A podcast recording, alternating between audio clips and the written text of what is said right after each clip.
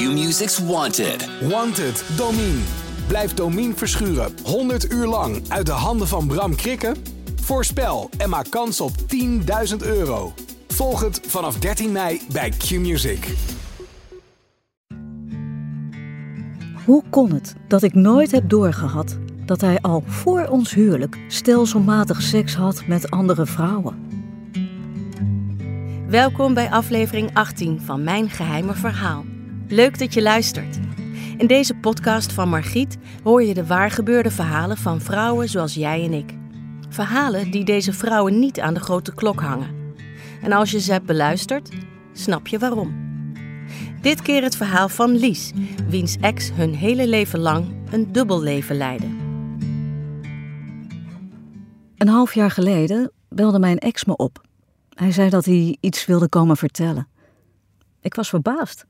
Sinds onze scheiding zagen we elkaar alleen nog op verjaardagen van onze kinderen. Persoonlijk contact was er nooit meer. Max kwam en terwijl hij naast me zat, vertelde hij me op een chaotische, onsamenhangende manier dat zijn huidige vrouw twee geslachtsziektes had opgelopen: syfilis en gonoreu. Van hem. Hierdoor had hij zijn geheime leven moeten opbiechten. Hij ging vaak naar seksclubs, bezocht prostituees en maakte via internet afspraakjes met andere vrouwen. Omdat onze kinderen ervan zouden horen, wilde hij dat ik het ook wist. Oh, en trouwens, dit dubbelleven speelde al heel lang, ook al tijdens ons huwelijk. Het was begonnen toen hij 17 was. De dreun was zo gigantisch dat ik het niet in één keer kon bevatten. Ik heb notabene nog met hem zitten praten over de relatie met zijn vrouw. Hoe moest dat nu verder? Pas toen hij weg was, drong volledig door wat hij had verteld. Vijftig jaar lang gerommel met andere vrouwen, vaak prostituees notabene. Ook toen wij getrouwd waren. Daarvoor al. Hoe kon het dat ik het nooit had doorgehad? Max en ik kennen elkaar van de middelbare school. Na vijf jaar trouwden we, in de kerk. Beide als maagd. Dat dacht ik tenminste. Voor ons huwelijk was ik puberaal verliefd op hem. Maar toen ons leven samen begon, er kinderen kwamen, voelde ik al snel dat er niet veel tussen ons was. Geen echte verbinding, geen wijgevoel. Al leek alles op het oog heel normaal. We hadden een mooi huis, een gezin, allebei een leuke baan. Elke zondag zaten we in de kerk, waar Max jeugdleider was. Iedereen zag hem graag, vond hem aardig en behulpzaam. Dat was hij ook. Toch voelde hij niet als een echt betrokken echtgenoot en vader. Ik vond hem vlak, emotieloos. Dat dit kwam omdat hij ondertussen met andere vrouwen bezig was, kwam nooit bij me op. Er was ook niets dat daarop wees. Ik zag hem nooit naar andere vrouwen kijken. Op seksgebied had hij geen extreme wensen, was zelfs niet in om eens iets nieuws uit te proberen. En als er iets over prostitutie op tv was, sprak Max daar vol verbazing en afschuw over.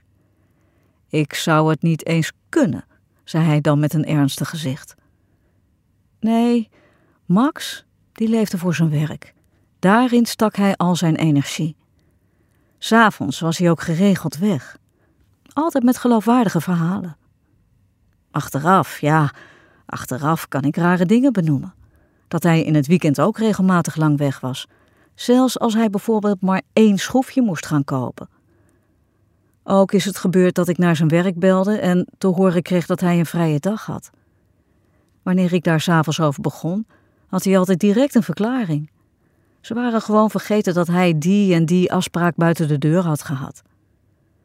Als ik al eens iets in twijfel trok, wist hij alles om te draaien. Ik was achterdochtig. Ik zat hem te veel op zijn huid. En als ik klaagde dat hij zoveel werkte, verweet hij me dat ik ondankbaar was. Hij deed het immers allemaal voor ons. Hij verweet me sowieso veel. Er was weinig goed aan mij. En zo ging ik me steeds slechter en ongelukkig voelen. Nadat onze kinderen uit huis gingen, hield ik het thuis niet meer uit. Ik voelde dat het tijd werd de regie over mijn leven te pakken. Eerder verzette Max zich altijd. Nu reageerde hij best goed toen ik zei dat ik wilde scheiden. We gingen zelfs amicaal uit elkaar. Binnen de kortste keren was hij hertrouwd. En ik? Ik was opgelucht. Ik bleek prima op eigen benen te kunnen staan. Ik ontmoette mannen met wie ik wel een gevoel van samen zijn ervaarde. Het kon dus wel. Ik was niet gek geweest. En met terugwerkende kracht vermoedde ik soms dat Max autistisch was.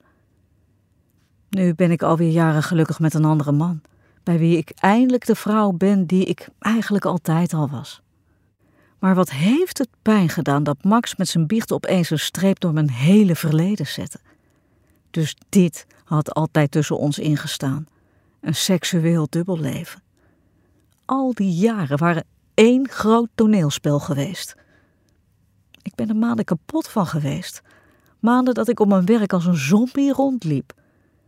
Alles wat er ooit gebeurd was in mijn huwelijk stond opeens in zo'n ander daglicht. En het bleef maar spoken in mijn hoofd. Ik dacht aan al die avonden dat ik in mijn eentje thuis zat met de kinderen. Al dat geld uit onze gezamenlijke pot dat hij aan zijn walgelijke avonturen opgemaakt moet hebben. Maar ook aan die keer dat hij een HIV-test had laten doen omdat hij zogenaamd in een injectienaald was getrapt. En nog zoveel andere kleine dingen die in de tijd zo onschuldig lijken. Allemaal komedie. Ik kan nu geen fotoalbum meer inkijken zonder te denken. Toen dus ook al. En toen dus ook. Onze trouwfoto maakt me ziek. Onverdraaglijk vind ik het. Wat ben ik blij dat mijn moeder dit niet meer hoeft mee te maken. En dat ik tien jaar geleden zelf van hem gescheiden ben. Ik had anders niet voor mezelf ingestaan. Ik was zo kwaad. Zat zo vol met wraakgevoelens. Ik heb veel meer begrip gekregen voor mensen die in een vlaag iets verschrikkelijks doen. Ik heb zo vaak gedroomd dat ik hem tot pulp sloeg. Nu is dat iets gezakt. Ik gooi hem alleen nog maar van de trap. Dat dat wat beter gaat, komt omdat ik in een brief al mijn gevoelens heb opgeschreven. Ik heb gevraagd of hij langskwam en heb de brief aan hem voorgelezen. Hij luisterde zwijgend en liep toen, zonder iets te zeggen, de deur uit. Dit heeft me iets meer lucht gegeven, maar de ontzetting blijft. Ik wil met mijn verhaal andere vrouwen graag duidelijk maken dat als ze op de een of andere manier een onderbuikgevoel hebben, dat ze denken dat er ergens toch iets niet klopt. Ze daarnaar moeten luisteren. Ga spitten, ga zoeken. Laat je niet afschepen zoals ik heb gedaan. Mannen met een dubbelleven, dat zijn niet alleen BN'ers op tv. Zo'n man kan er ook zijn in jouw straat, in jouw huis, op jouw bank. Denk nooit nooit.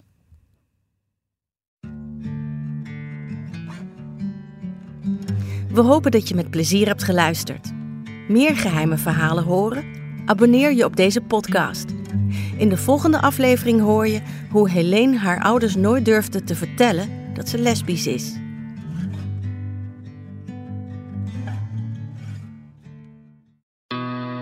Q-Music's Wanted. Wanted, Domine. Blijf Domine verschuren 100 uur lang uit de handen van Bram Krikken? Voorspel en maak kans op 10.000 euro. Volg het vanaf 13 mei bij Q-Music.